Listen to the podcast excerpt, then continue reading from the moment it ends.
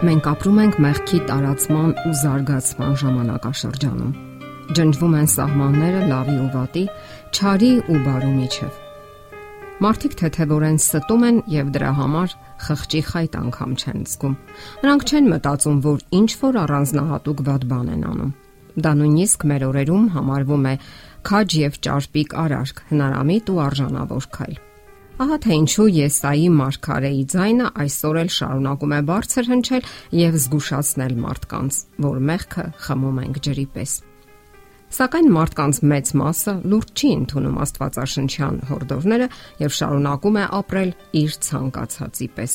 Ապաշխարությունը մարդիկ համարում են թույլ մարդկանց կամ կանանց զբաղմունք, իսկ Քրիստոսի երկրորդ գալուստը մնում է հերրավոր ապագա կամ Աստվածաշնչյան տեսություն ընդամենը։ Իսկ Աստվածաշունչը մարդուն կոչ է անում ոչ թե արթարանալ կամ թույլ պատճառաբանություններ բերել, այլ գիտակցել, թե ինչ է տեղի ունենում։ Այսօր աշխարհում ամեն ինչ տանում է անհատապաշտության, ճշտի ու սխալի սեփական չափանիշների հաստատման։ Իսկ Աստված ապաշխարության կոչ է անում լուրջ մտորումների, անկեղծ աղոթքների միջոցով։ Իսկ ինչ է նշանակում ապաշխարություն։ Ապաշխարությունը խոր վիշտն է եւ տրտմությունը մեղքերի համար, որովհետեւ մեղքն ու անօրենությունը վիրավորում են Աստծուն եւ ցավ պատճառում նրան։ Ապաշխարել նշանակում է ցավ զգալ գործած մեղքերի համար, որովհետեւ Աստված արդեն զգացել է այդ ցավը։ Նա գիտի թե ինչ է մարդկային ցավն ու տարապանքը։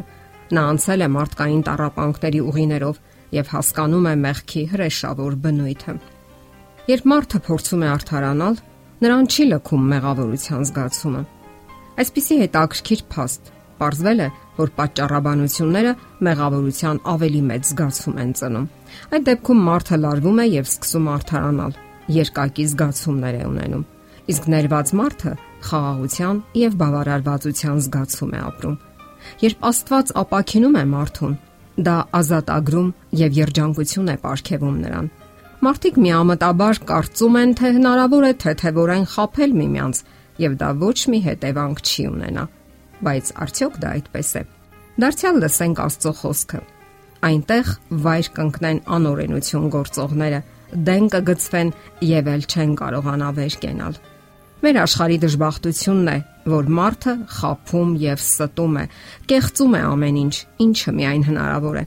Սակայն յուրաքանչյուր մեղք իր դառը պտուղներն է բերում։ Իսկ ահա ներված մարդը, թեև վայր ընկնի, չի կործանվի, որովհետև Տերը բռնում է նրա ձեռքից։ Որովհետև Քրիստոսի որդիները ճանաչում են մեղքը եւ ջանում են ազատ ագրվել դրանից, ապրելով իրենց կյանքը առանց մեղքի։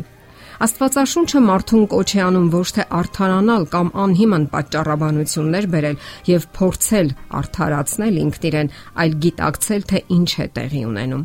Իսկ այսօր աշխարհում ամեն ինչ տանում է անհատապաշտության, ճշտի ու սխալի սեփական չափանիշների հաստատման։ Այդ չափանիշները սակայն Աստծո չափանիշները չեն եւ մաքուր ու արդար չեն։ Իսկ Աստված կոչ է անում լուրջ մտորումների, անկեղծ աղոթքների, կոչ է անում ապաշխարության։ Ապաշխարությունը սահմանվում է որպես խորվիշտ եւ տրտմություն մեղքերի համար, որովհետեւ դրանք վիրավորում են Աստծուն եւ ցավ պատճառում նրան ապաշխարել նշանակում է ցավ զգալ գործած մեղքերի համար, որովհետև Աստված արդեն զգացել է այդ ցավը։ Ապաշխարության լավագույն օրինակներից մեկը գրառված է Աստվածաշնչում։ Խաչի վրա իր պատիժն էր կրում տարբեր հանցանքների մեջ մեղադրվող ավազակը։ Հռոմեական արդարադատության երկար ձեռքը հասել էր նրան։ Նրան բանտարկել էին, դատել ու մահվան դատավճիռ կայացրել։ Այժմ ի կատար էր ածվում այդ դաժան դատավճիռը։ Ոչ մի տեղից ազատագրման հույս չկար։ Նրա վերքերը սարսափելի ցավում էին։ Նա այլևս չէր կարողանում շարժել ձեռքերն ու ոտքերը։ Նա մահանում էր սարսափելի մահով։ Կար մեկը, որ կարող էր հասկանալ նրա տարապանքները։ Օթում մահահոտ կար։ Ավազակը հիանալի հասկանում էր, որ ինքը մահանում է, որ դա վերջն է։ Սակայն կար մի ուրիշ բան, որ հավասարաչափ հուզում էր նրան՝ մեղավորության զգացումը։ Նա զգում էր, թե ինչպես է այդ զգացումը պարզապես խեղդում իրեն։ Նրա ողջ կյանքը անցավ աչքի արջևով եւ զգաց թե ինչ աննպատակ ու դատարկ կյանք է ապրել ինքը։ Եվ այնուամենայնիվ այդ ավազակի հոգում պահպանվել էր ճշմարտության փափագը։ Իր կյանքի այդ վերջին պահին մի հույս ցոլած նրա սրտում։ Չէ որ նա այսպես թե այնպես ճանաչել էր Հիսուսին եւ լսել նրա մասին։ Իսկ եթե հանկարծ եւ նրա հոգում մի ճիճ պորտկաց ու մենք իրավունքով ենք պատժված, որովհետև մեր արած գործերի արժանի հատուցումն ենք առնում, իսկ սա ոչ մի անտեղի բան չգործեց։ Եվ ասաց Հիսուսին. Տեր, հիշիր ինձ, երբ գաս քո թակավորությունով։ Հիսուսի պատասխանը ակնթարթային էր. Ճշմարիտ եմ ասում քեզ այսօր, դու ինձ հետ դրախտում կլինես։ Աստվածային եւ ոչ երկրային խաղաղություն տիրեց մահացող ավազակի սրտին։ Նրա տարապանքները թեթևացան ու թեև տանջվում էր ցավերից, նրա հոգում խաղաղություն տիրեց։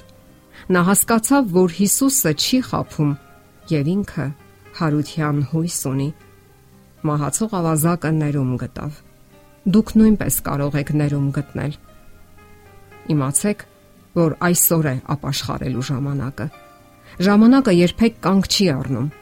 Լավագույն ժամանակը այսօր է։ Հենց այսօր ապաշխարենք, ընդունենք Աստվածային ներումը։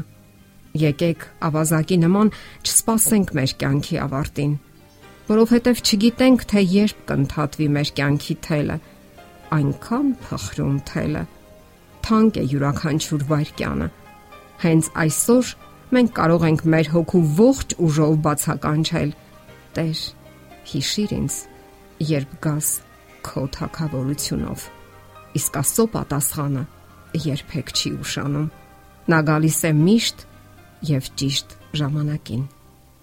Եթերում է ղողանջ հավերժության հաղորդաշարը։ Ձեզ հետ է Գեղեցիկ Մարտիրոսյանը։ Հարցերի եւ առաջարկությունների դեպքում զանգահարեք 094 08 2093 հեռախոսահամարով։ Հետևեք մեզ hopmedia.am հասցեով։